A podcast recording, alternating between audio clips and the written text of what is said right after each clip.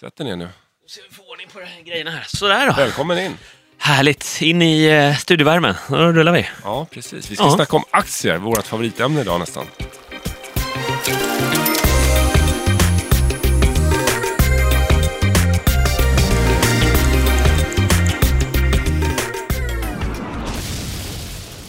Vi pratade om långsiktiga investeringar tidigare och eh, sparande och sådär. Men jag tänkte att vi ska prata lite börsen och marknadsläget. För nu är det ju eh, många olika siare där ute. Vart, vart ska det ta vägen? Ja, Så ska vi vi- snacka lite dissekrera idag. Ja, exakt. Vi har ju bläddrat i eh, tidningen i morse och vi är inne på olika börssajter dagligen, flera gånger om dagen. Även när vi spelar in Lyxfällan så brukar vi stå där och titta på kurserna. Så det här är ju ett hett samtalsämne oss emellan under alla tågresor, bilresor, flygresor och eh, väntetider som vi har. Då blir det mycket börssnack. Ja, verkligen. Vi, vi, jag tror vi kan varandras investeringstänk utan och innan, men vi tänkte dela med oss lite av det idag. Ja, precis. att, eh, ni, får, ni får höra lite bakom kulisserna hur vi tänker kring det hela. Vi kan direkt dra igång med att säga att det är ju extremt hypat just nu. Det är höga värderingar, det är en lång, långvarig uppgång, det är låga räntor och eh, det är en do, enligt mig en, en dopad aktiemarknad. Jag tycker att det är lite läskigt nu som du vet.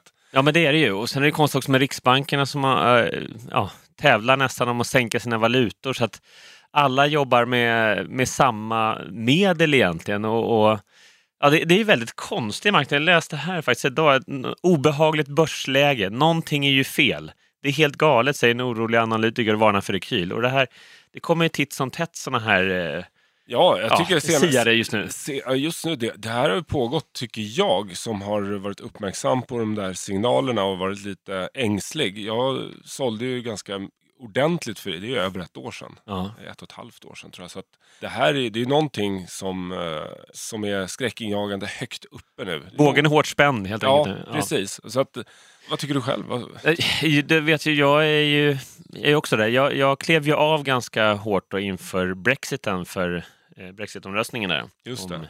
Storbritannien skulle ut ur EU för ett år sedan. Och, ja, det var bara någon vecka innan, men då tänkte jag nu, nu kommer det vara roddigt. Så jag såg att nedsidan om det blir ett o, o, oväntat dåligt valresultat inom citationstecken Mm. är större än vad uppsidan är om det blir ett eh, valresultat som marknaden gillar. Vad, Eh, vad, vad, tänkte jag. Vad, vad, och vad tänkte du? Vilken sida skulle marknaden gilla? Nej, jag trodde alla eh, förhandsundersökningar där, eh, när man tittar på vad, ja, väljarbarometrar och så vidare innan, alltså det var ju tecken på att de skulle stanna i EU, så det blev en chock när de faktiskt röstade Storbritannien ut ur EU. Men å andra det- sidan så blev ju också, ja, effekten första dagen var ju den väntade i ett sådant Ja. valresultat. Att helt oväntat, marknaden hade dagarna innan också prisat in det att det skulle bli som valbarometrarna sa. Mm.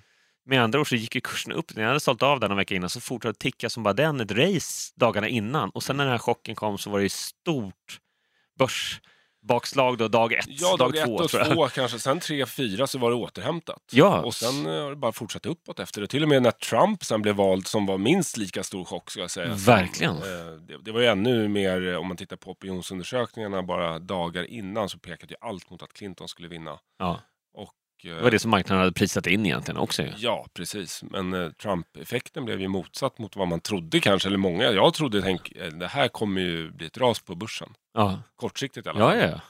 Nej, men det, det, det där är ju det är också det svåra. Det, de här gamla vad ska jag säga, logiska eh, reaktionerna från marknaden stämmer inte heller längre. Nej. För både som Brexit, sen plötsligt så tickar det upp. Det blev det, det valresultat, egentligen både i Brexit-fallet och Trump-fallet, som marknaden hade fasat för, Ja. men som inte var speciellt troligt i undersökningarna innan valdagen. Men ändå, fast det var det som marknaden var rädda för, så blev det en positiv rekyl. Så att Mm. Men det är, det, det, det är det jag menar med börsen lite svårtolkat. läskig just nu. För att det är ingenting som eh, biter. Det, det är terroristattacker och det är hot, politiska hot från Sydostasien och det är massa saker som eh, är, ligger där och skaver och eh, borde vara potentiella hot Ja. och öka risken. Men ingenting ser ut att bita. Det är så otroligt mycket pengar som är, måste få avsättning. På, Ja, men- och då, och då ja. söker de sig till börsen. Ja, men så är det ju. Man tänker också nu den här perioden då på försommaren här, våren, så kommer ju aktieutdelningarna Eh, många som delar ut stora pengar nu. Många bolag som går väldigt bra, med andra gör bra vinster och också delar ut då i aktieutdelning till sina ägare. Och, eh, ja, det finns ju inte så många andra ställen att stoppa dem på, på få någon vettig avkastning i dagsläget. Så det gör ju att många återinvesterar de här aktieutdelningarna på börsen. Mm. Till exempel Stefan Persson då, som är mångmiljard eh, utdelningar som man återinvesterar på börsen. Och det är klart att det här bygger ju vidare att kurserna fortsätter upp. Och... För alla bolag utom H&M då? Ja. för det där är ganska intressant. För tittar man på eh, två av svenska klenoderna som uh, har verkligen varit folkaktier och fortfarande är det. Ericsson tänker jag på och H&M ja. så är det de här två som just nu är ganska skadeskjutna och man undrar vad, vad ska det ta vägen? För när inte ens Perssons miljardköp ger önskad effekt, för jag tror att han Nej. köper för att självklart långsiktigt tror han ju säkert på sitt gamla familjebolag där han fortfarande är huvudägare men samtidigt ja. så är det så att Stödköp. Stö, det är stödköp också. Självklart så köper han ju inte bara med hjärnan utan det är mycket hjärta där också. Ja, sen har ju han ett väldigt symbolvärde också i när, när han som storägare eller största ägaren i H&M går in och köper så klart att många där ute sitter och tittar på vad han, hur han agerar också. Även om han har eh, många miljarder utdelning varje år och investerar så är det ändå så att han kanske vet, han är så insatt, han är eh, förstås då styrelseordförande också, men så insatt i eh, vad som händer i bolaget så då tänker man att han kanske vet någonting som komma skall här eller deras e-handelssatsning eller vad det är nu som händer de närmaste åren. Så att det är klart han inte trycker in så stora pengar om man trodde att det skulle backa ett tag här. Nej, men det, tidigare har ju varit så om man tittar på när han har gått in och gjort sina miljardköp så har ju oftast kursen också det har visat sig vara väldigt rätt timing att hänga på Stefan ja. Persson. Men så har ju inte varit fallet senaste året. Nej. Och eh, sen tittar vi på Ericsson snackade vi om lite förut också. Det här är ju den gamla kursraketen från eh, slutet av 90-talet som många svenskar älskade att daytrada i och, och handla i. Jag hade ju ja. hade ganska mycket Ericsson en period men sen blev det ju en nödemission år 2000 tror jag. Var det 2000, 2001? Ja, det var i den vevan där efter millennieskiftet, precis. IT-kraschen och allting. Mm. Som, jag tror de gjorde en emission på 30 miljarder och, och eh, till 10 eh, procent av eh, där kursen hade legat. De har för mig att det var på 3,80 som de nyemitterade aktierna kostade. Ja. Bara månader innan så handlades de på ja, helt andra nivåer. Helt andra nivåer. Ja. Helt andra nivåer. Det är intressant det där. Ericsson, jag hade ju själv rätt mycket, rätt tungt Ericsson tidigare. Men jag sålde av halva mitt innehav då i maj 2000 för att jag skulle göra något annat med pengarna helt enkelt. Och, eh, bra timing. Det, ja, det var ju väldigt bra timing. Det, man visste att det var på en bra nivå, men sen eh, visade det sig med facit i hand att det var toppmånaden. Jag tror mm. fortfarande det är Ericssons all time high mm. eh, notering faktiskt i maj år 2000. Men eh, Tyvärr så inte av allt, jag satt kvar med hälften och det blev en, en seg historia i efterhand. Ja, ja. Ericsson var ingen eh, rolig aktie efter det faktiskt. Nej, det, det var ju 6, 7, 8 år där det i stort sett stod helt still och det är ju rätt trist ändå. Eh, ja, man, när man investerar i aktier, ja, man vill ha någon slags, ja. ska röra sig. Om man vill titta på alternativen så blir man rätt frustrerad. Ja, men faktum är att jag har haft H&M haft på bevakning lite. Där, eh, det brukar vara ett intressant bolag också just när det är lite skakigare tider. Det är ett bolag som tuffar på i alla fall historiskt sett, nästan oavsett konjunktur, det är de här eh, konsumentvarubolagen, om man tänker på Clas Ohlson och eh, detaljhandelsbolagen. H&M förstås också då, som har varit en maskin i de lägena. Men nu är det ju något hack i den maskinen och eh, de följer inte ens börsens utveckling utan tappar ganska hårt ja, nu ett. Verkligen, och det är, frågan är om den här långvariga uppgången med H&M, den här succén som har varit i flera decennier nu, om den är faktiskt eh, bruten. Att H&M's glansdagar rent utav är över. Att de inte har hängt på e-handelståget och Zalando och de här jättarna som nu tar otroliga marknadsandelar. Ja, och det är det den stora frågan bland investerare är väl just nu att eh, är det här ett tillfälligt hack i kurvan eh, som innebär då med andra ord ett grymt bra köpläge, instabil aktie? Eller är det här ett trendbrott som kanske är början på, på nedgången från H&M's glansdagar? Mm, ja. Det vet ingen. Vet de som ingen. säger att de vet, de eh, ska man inte lyssna på. Det är väl lite så, vi sitter ju här som ekonomiexperter, men det är ju väldigt många som har, har uttalat sig väldigt tydligt och hårt om hur börsen mår och vilka bolag man ska investera i. Det gör inte vi för att vi någonstans inser vi också att eh, dels inte vår roll, men sen tycker jag personligen att de som går ut, om man inte jobbar som analytiker på en bank och som eh, uppdraget är att, att hitta köpvärda aktier, då är det en sak. Men det finns många tyckare som håller på och ger tips till höger och vänster vad man ska köpa och kan inte riktigt motivera varför utan de har snarare hört eller läst en artikel. Ja. Det ska man ta med en nypa salt. Man måste alltid bilda sin egen uppfattning och eh, ha en långsiktig strategi alltså, kring sitt personliga sparande, sitt långsiktiga Mm. sparande. Och göra sin hemläxa, för det finns ju även på aktieforum och sånt på nätet där det plötsligt figurerar en massa tips för ett visst bolag. Och då ska man klart för sig att det kan ju vara så att det, det finns rätt många daytraders som har ett intresse av att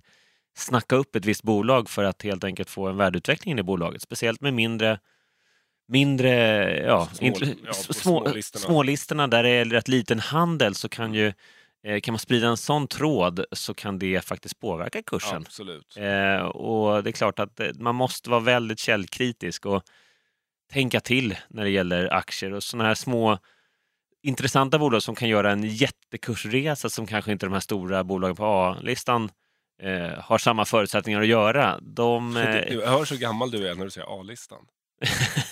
Storbolagslistan, ja. Jag har varit med länge. Ja. Ja. Men, eh, men jag tänker där, där måste man vara lite försiktig också. Det kan ju vara en bra krydda i en aktieportfölj, men eh, det gäller ju att ha någon slags balans i portföljen. Sådana gamla hederliga grundreglerna när det gäller att investera i aktier och investera på börsen, de gäller ju fortfarande år 2017, kanske än mer nu i den här, eh, när bågen är så spänd som den är nu, när börsen är uppe faktiskt på all time high rekordnivåer. Det gäller att ha en väl diversifierad portfölj också. Vi Mm, svårt om, ord. Ja, Diversifierat. ja, diversified.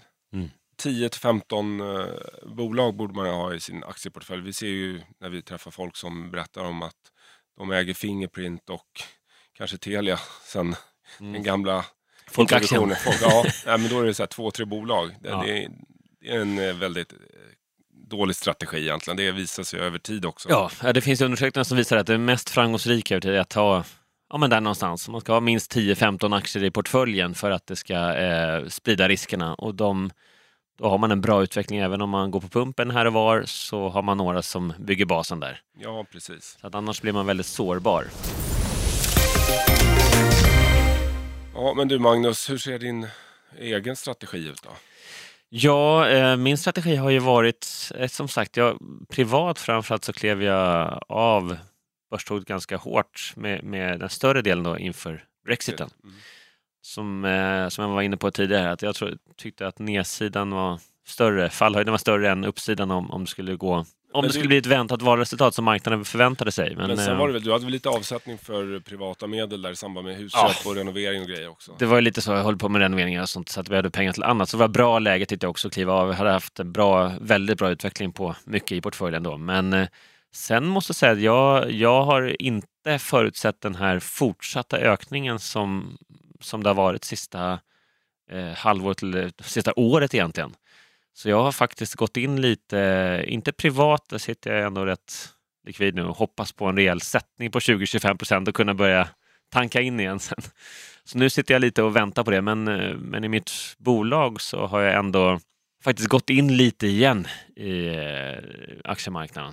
Eh, också. Men, men eh, jag, jag tänker över sommaren, det går ju ganska kortsiktigt. Jag tänker att eh, augusti-september här, om det fortsatt ticka upp nu, så eh, då tror jag att jag börjar dra hem markerna igen. Du tänker köp till midsommar till, till sillen och sälj till, eh, till kräftorna där? Ja, där är så, ja men lite så. Våren brukar tycker jag, eh, våren brukar vara bra. Just när utdelningen kommer och återinvesteras. Jag tycker kurserna brukar se rätt trevliga ut på vårkanten. Men jag nu är vi inne liksom på toppen av berget här uppe på den snöklädda toppen. Så jag tror att vi är väldigt nära nu. Så nu är det ganska kortsiktigt lite smågirigt nästan beteende här. Just vad i jag tänkte. Du, vågar inte, du kan inte stå vid sidan av och Nej. se där det tickar uppåt Du vet, lite jag är varje dag. lite, lite högriskare i de här lägena. Du tänker lite mer långsiktigt. Jag vill ändå ha lite mer spets. Jag tror det det är kanske är det som skiljer oss. Om vi ska försöka hitta någon sån där Ja, skillnad i jag strategi. ju- Men jag det är din min- strategi just nu då? Nej, jag, jag håller inte riktigt med det där. Eller jag förstår ju vad du menar baserat på alla våra samtal. Men jag är ju en person som gillar att ta risk. Men för att göra det så vill jag också känna att jag har en, eh, en plattform att stå på långsiktigt. Så Mm. jag, har ju, jag har ju både och. Jag har ju en långsiktig privat portfölj som är solid. Stabil grund och Ja. spetsigt tak. Exakt. Sen Ja. har jag ju en annan typ av portfölj där jag vågar och vill ta lite risker. Men det ska vara kalkylerade risker där jag verkligen känner att det finns Mm. en, en rejäl potential. Och just nu så håller jag på att titta på ett par olika onoterade bolag där jag eh, kanske kommer gå in. Och det tycker jag är spännande. Det är ju såklart hög risk. Mm. Eh, high risk, high reward. Men då får man vara beredda på, och det är jag, eh, vis av min egen erfarenhet, att går man in i de här bolagen kan det bli hur bra som helst. Men det kan också sluta med konkurs. Mm. Och no, noll och inget, alltså Ja, noll, så det- nollvärde. så det, Mm. det är ju pengar som man helt enkelt, som jag då vet att de här, de här kan jag, jag har råd att förlora dem. Mm. Men det är aldrig roligt att göra det. Så det, det gäller att ta kalkylerade risker och, och göra sin hemläxa rejält. Men Mm. det tycker jag är spännande. Just att ha den där långsiktiga, stabila, trygga. Som tuffar Som- på, som och tuffar tuggar lite på, ja. utdelning och ja, Ja, och det, så det kommer- stiger lite varje år. Ja, Ja. och eh, månadsspar gör ju också att man köper det när det är billigt. Men man är med på när det går upp och när det går ner. Och man behöver inte stressa upp sig så mycket. Utan det, det är riktigt långsiktigt. Mm. Och så det andra som är lite mer krydda och, och lite spännande. Där man kan få lite mer puls av. Ja men precis, där det faktiskt kan händas. Och det kan ju vara så, går du in i fem sådana bolag så kanske ett bolag som sticker som en raket och fyra andra går omkull. Ja, Där det blir nollvärde. Så att ja. du, du får någon vettig utveckling Ja. på totalen även om det är, ja, det är hög risk. Exakt, så, att, eh, nej, så det, det är lite både och. Där. Men jag, generellt så tycker jag ju nu att eh, börsen är extremt eh, högt värderad. Om säga att den är övervärderad, det tycker jag är fel ord. Men den är väldigt högt värderad. Mm. Sen är det ju upp till marknaden att säga om den är övervärderad, för då skulle den inte fortsätta upp. Nej, och just nu är det ju många siare som är... Alltså det är en del som säger att är bara vänta på rekylen, nu kommer en rejäl sättning. eh, Mycket tyder på det. Och andra som säger att nej, det här kommer fortsätta att ticka upp ytterligare ett, två år kanske. Och, och, och så har det varit i ett, två år Ja. redan, att många väntar Precis. bara in en krasch och då gäller det att ligga likvid. Ja. Och, och många tror då tvärtom att här, konjunkturen är urstark, bolagsrapporterna kommer in och de är Mm. jättefina med starka balansräkningar, höga vinster. verkligen. Och pengarna måste ju någonstans jobba. Kapitalet måste jobba och de här stora pensionsjättarna och allting, de, eh, de får ju inte bara ligga på ett räntekonto. Det är Nej. tjänstefel. Så att, eh, Ja, ja, och Europa tuggar på som, som tåget här nu. Så att det, det finns ju mycket positiva tecken också. Mm. Men sen tycker jag det är något som är väldigt intressant i, den här, i det här klimatet just nu då, när, när börsen är uppe på rekordnivåer. Det är inte bara Stockholmsbörsen utan det är flera börser runt om i världen som är uppe på väldigt, väldigt höga nivåer historiskt sett. Men sen har man ju det här skräckindexet det. som man pratar om då också. Det, eh, och det är faktiskt på extremt låga nivåer nu. Skräckindexet här, eh, det handlar ju om volatiliteten, hur, hur, rörlig marknaden är, hur stora rörelser det är på den. Och när det är väldigt oroligt så är det skräckindexet förstås då högt upp och eh, det är ju en konstig kombo just nu att det är på så låga Nivåer. nivåer. Så med andra ord så tror man inte på att det ska vara några stora rörelser i marknaden samtidigt som det är så extremt högt värderat. Och det här är ju, tycker jag, visar på ytterligare en sak att det är något udda läge Mm. vi är i just nu som är väldigt svårtolkat och svårhanterat Ja, också. det är så oerhört komplext. Det går inte att titta på just detta index då som mäter volatiliteten och säga att ja, då, då kommer det nog vara låga kursrörelser i framtiden. Utan det har sett, historiskt sett så har det faktiskt varit en värdemätare. Men det är mycket som spelar in och nästa sättning eller prispunkt eller krasch eller vad, vad det nu blir Ja. kommer säkert komma eh, av någon händelse som man minst anar. För jag tycker det är så märkligt nu att det är ingenting som riktigt biter Nej. på, på den här urstarka konjunkturen. Nej, och det är konstigt. Man tycker det här... eh, Men när många pratar och väntar på den här sättningen, att det här VIX-indexet är så lågt. Jag, ty, jag tycker det är, det, det är mycket, mycket konstiga saker samtidigt. Där. Det, jag tycker det känns som ett spänt läge och lite också att ingen vill att den här festen ska ta slut och det gör att man eh, alla tuffar på li- lite så att man blundar för Ja, men det kommer regnmoln ovanför, solen skiner liksom och det är härligt här nere. Så kommer det tunga regnmoln och rullar in, men då sätter man på sig en keps med en skärm så man slipper se dem och så tittar man Mm. framåt där det är sol. Det är lite så- Lite så känns det som, att man, man vill inte se den trista, bistra eh, sättningen komma utan man vill hellre sola sig vidare och låta festen fortsätta. Mm, det är lite som i Lyxfällan. Ja, faktiskt. Fast, helt andra, På en, annan- på, på en annan nivå. Där, där folk som har tagit, En annan lån, eh, tagit lån, sms-lån för att konsumera och så vill man inte se räkningarna. Man sätter på sig den där skärmössan när Ja. Kronofogden knackar på dörren. Ja, och så går man och tar ett nytt lån med, med andra handen. Ja, och har en härlig helg, en härlig semester, eller, Ja. fast man inte har råd. Ja, men det viktiga Alltså- här är, tycker jag, att eh, känna att du har ju ditt buffertsparande och du har ditt målsparande som är lite mer kortsiktigt till roliga grejer, om det är en resa eller någonting. Men det vi pratar om nu, det är ju extremt långsiktigt sparande. Ja. Det är ju på minst 10 års sikt. Du och jag brukar ju prata 20-30 år. Det är det som är kul när man faktiskt känner att man har råd att vara så långsiktig. För det är Ja. då man också får en fantastisk eh, utveckling. Jag tänker att eh, grundtänket, tycker jag, som är det, viktiga här också, är att man ska någonstans kunna sova gott om natten. Man ska ju trivas med det ekonomiska liv man har. Så börjar man eh, få lite speldjävul i sig och, och eh, ja, man börjar gambla för hårt med pengar som man faktiskt kan behöva till annat, då är man inne på fel väg tycker jag. Utan de här investeringarna, oavsett om det är lite mer trygga investeringar på lång sikt eller om det är kryddan, de sista 10-20 procenten i portföljen som är kryddan, så måste man ju vara medveten om vad man faktiskt ger sig in i för någonting. Mm. För jag tycker nu är det, börsen har gått upp så länge, den här sjuårscykeln man pratar om traditionellt sett, att det efter sju år av uppgång så brukar det komma en sättning och nu har vi passerat de här sju åren med råge Mm. och det fortfarande tickar uppåt så börjar folk där ute prata om att men, börsen är ofarligt. Lite som vid millennieskiftet, IT-kraschen eller finanskraschen. Alltså, börsen är, det är bara att trycka in pengarna och så växer de. Lite som folk tänker med bostadsmarknaden också, att vad du än köper så ökar det i värde. Det kan inte gå ner. Och det är en varningssignal i sig. Ja, det är det ju definitivt. Och det vet ju, man varit med här eh, tidigt 90-tal med fastighetskrisen 93, millennium, eh, IT-bubblan kring millenniumskiftet som jag definitivt var en aktiv del i. Det var väl nästan alla svenskar på ett eller annat sätt. Jag jobbade ju själv i, i startup-sektorn då i IT-branschen och fick ta hårda smällar där. Och sen eh, inte minst då finanskrisen 2007, 2008. Och därefter har det med något litet minor eh, hack så har det bara tuffat på uppåt och det är väl det som är nu. Vad ska hända? Det är många som eh, bara står... Jag sitter ju och väntar på att det ska Mm. gå ner ordentligt här så att man kan kliva in igen. Ja, men det är lite så. Det kan inte bara fortsätta uppåt, uppåt i all evighet. Någonstans måste det ja, slå tillbaka.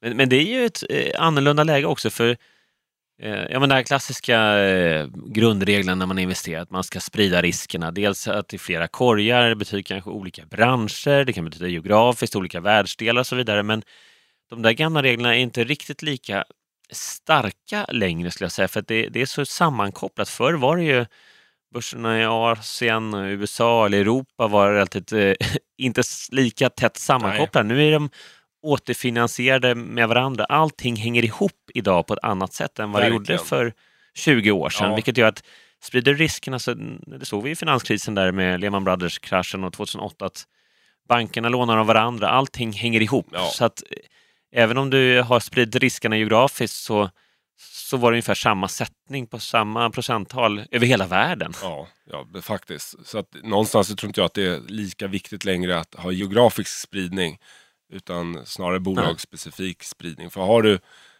10, 12, 15 aktier på OMX30, den stora listan Stockholmsbörsen, Nasdaq Stockholmsbörsen, då har du en, en väl balanserad och spridd portfölj, Ja. diversifierad.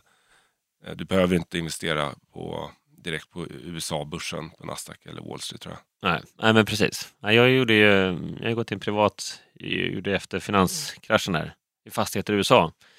Ganska hårt, men det var ju mer för att jag tänkte men då hade vi en rejäl sättning. Man visste att de där fastigheterna är ju inte de var ju, Ja, värdelö- var ju nästan värdelösa Ja, då. Det var, ju, det var ju inte mer, det var inte en sättning, det var en krasch. Alltså Total hela krasch. Bolånemarknaden kollapsade Ja, ja. totalt där med... eh, subprime-krisen, det följer ihop som ett korthus. Så jag tänkte att nu, nu, nu kan, historiskt tror jag inte att det är dåligt läge att gå in. Nej. Så tänkte jag. Sen kanske det har repat sig om två år eller om 20 år, men eh, ja, ett bra köpläge tänkte jag. I Detroit så kommer jag ihåg att husen kostade en krona då.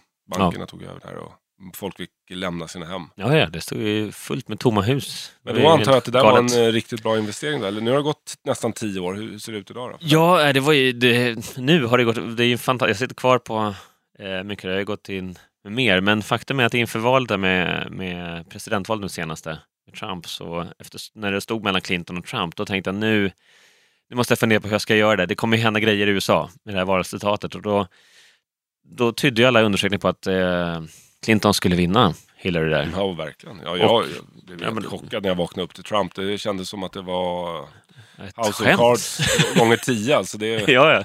Det är liksom eh, dikten överträffar verkligheten Ja. nästan. Eller snarare tvärtom, verkligheten träffar, överträffar dikten. då tog jag faktiskt ett medvetet beslut innan. Då tänkte jag att nej, men allt tyder på att Clinton kommer vinna det som marknaden hade prisat in. Så att eh, jag tänker att jag, jag gamblar och skulle det vara så att Trump vinner mot all förmodan så får jag ta den smällen. Och sen när man vaknar upp då till att Trump hade gått segrande ur där, vilket var emot alla eh, alla mot alla odds verkligen. Så eh, tänkte jag att nu, eh, nu kommer det där bita hårt i svansen. Men faktum är att även där marknaden gick ju Ja, det blev ju ett race på det istället. Ja, Så ja.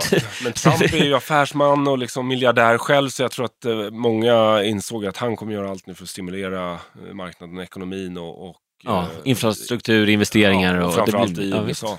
Ja, nej, men det var ju, det var ju väldigt... Det var ett oväntat resultat och eh, ett o, en oväntad effekt på det resultatet. Så att jag valde egentligen... Jag, jag positionerade mig fel mot vad det jag trodde skulle hända men det blev väldigt rätt i slutändan. Mm.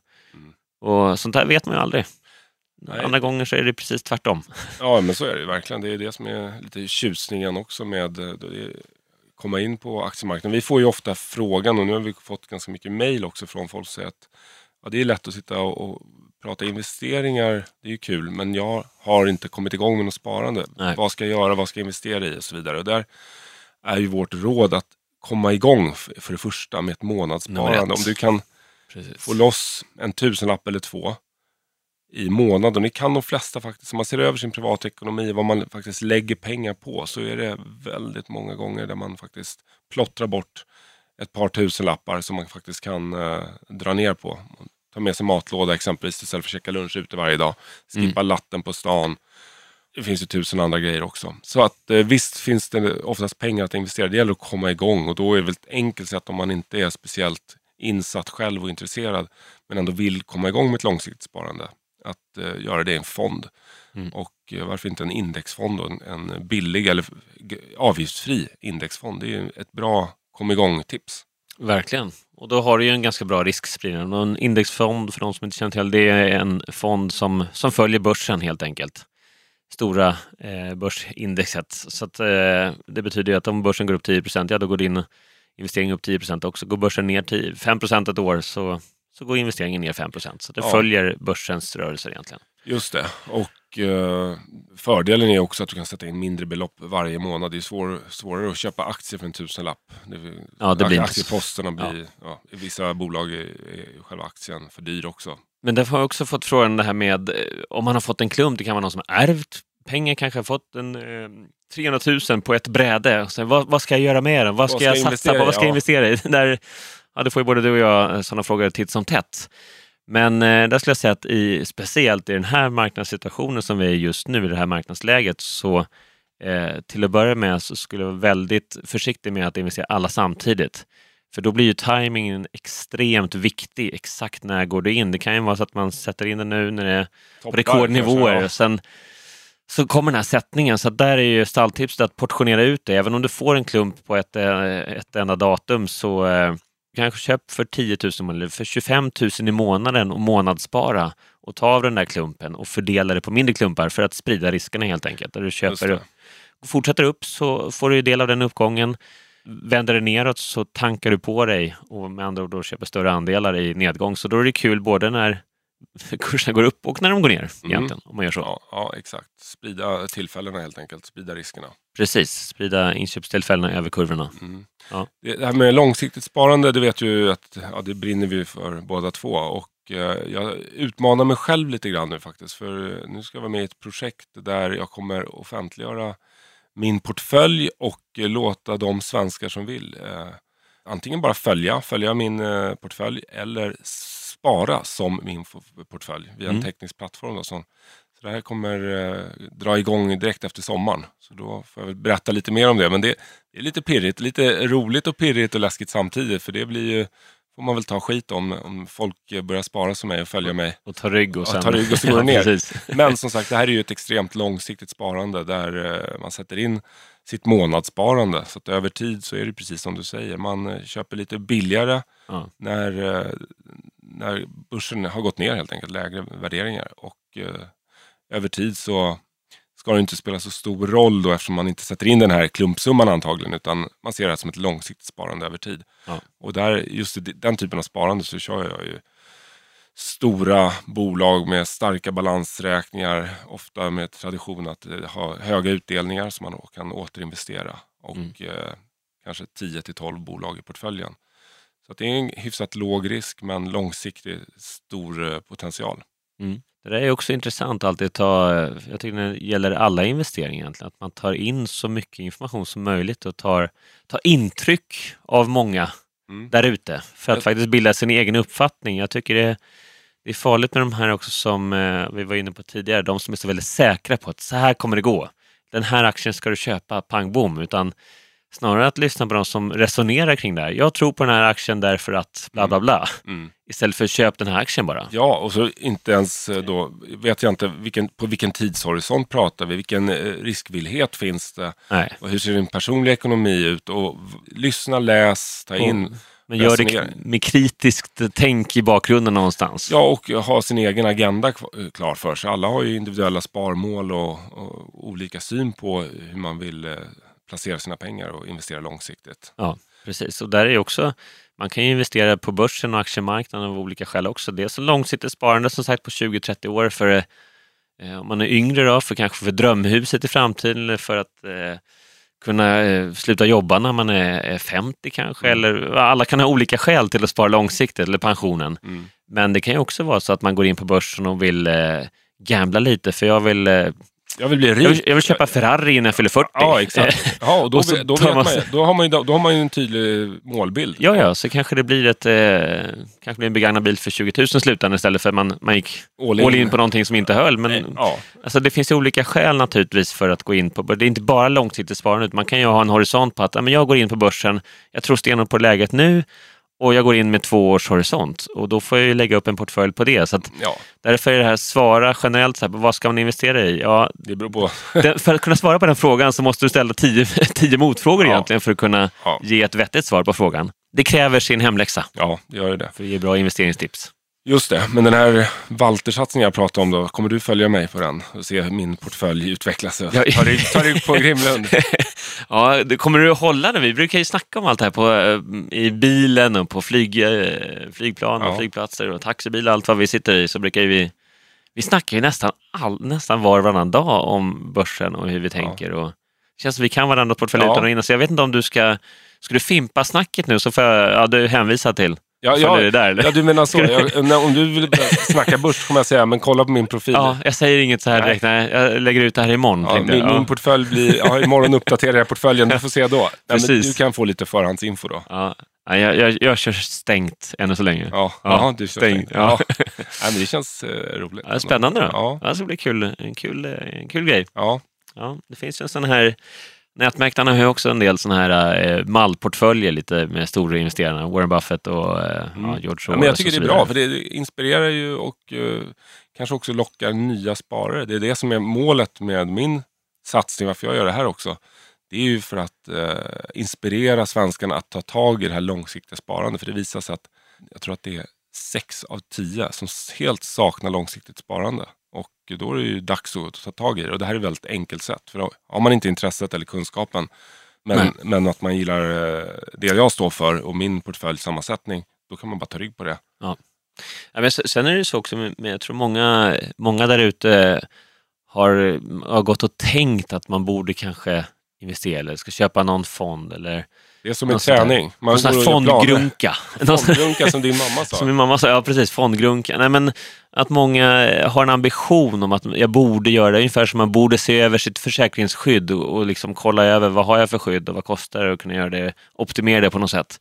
Så är det nog många som går runt år ut och år in och tänker att jag borde eh, investera lite pengar Mm. istället för bara eh, spara dem till semestern och så bränna allt och sen kör man som vanligt igen. Och därför är det viktigt också att man, jag tror det viktigaste egentligen när det handlar om att investera och spara på börsen är ju, som vi är inne på, att komma igång. Det är nummer ett. Se Ja. till att komma igång. Nummer två, istället för att putsa in en skatteåterbäring någonting utan se till att få ett månadssparande, kontinuerligt månadssparande på autogiro. Det är en automatisk det är överföring från eh, lönekontot till Yes. den här fonden eller till den här depån eller hur det nu jobbar. Så att det Ja. verkligen sker med kontinuitet. Ja. Och inte blir någon stor grej varje månad utan att det bara sker. Det sker automatiskt. Och nummer tre skulle jag säga att man faktiskt sprider riskerna. Och är det så att man inte är så intresserad att man vill in och följa och hitta enskilda aktier som man tror på och kolla massa forum och börsnyheter och så vidare, så ta en sån här helt avgiftsfri indexfond eh, som Nätmarknaden till exempel erbjuder. Eh, så har du ju en, då följer du börsen, då är du med. Då är du med i matchen, ja. utan, med minsta möjliga insats Ja. i tid och engagemang. Så det kan ju också vara ett bra startup-tips Ja, exakt. För de som ska, vill, eh, är lite nyfikna på att faktiskt eh, investera på börsen. Bra sammanfattning. Tid är pengar Magnus. Nu måste vi snart sticka vidare men eh, jag kan ju säga så här. Glöm inte att prenumerera och följa oss på iTunes, den här podden. Glöm inte och eh, låt dina pengar jobba och glöm inte att eh, prenumerera på Pengapodden.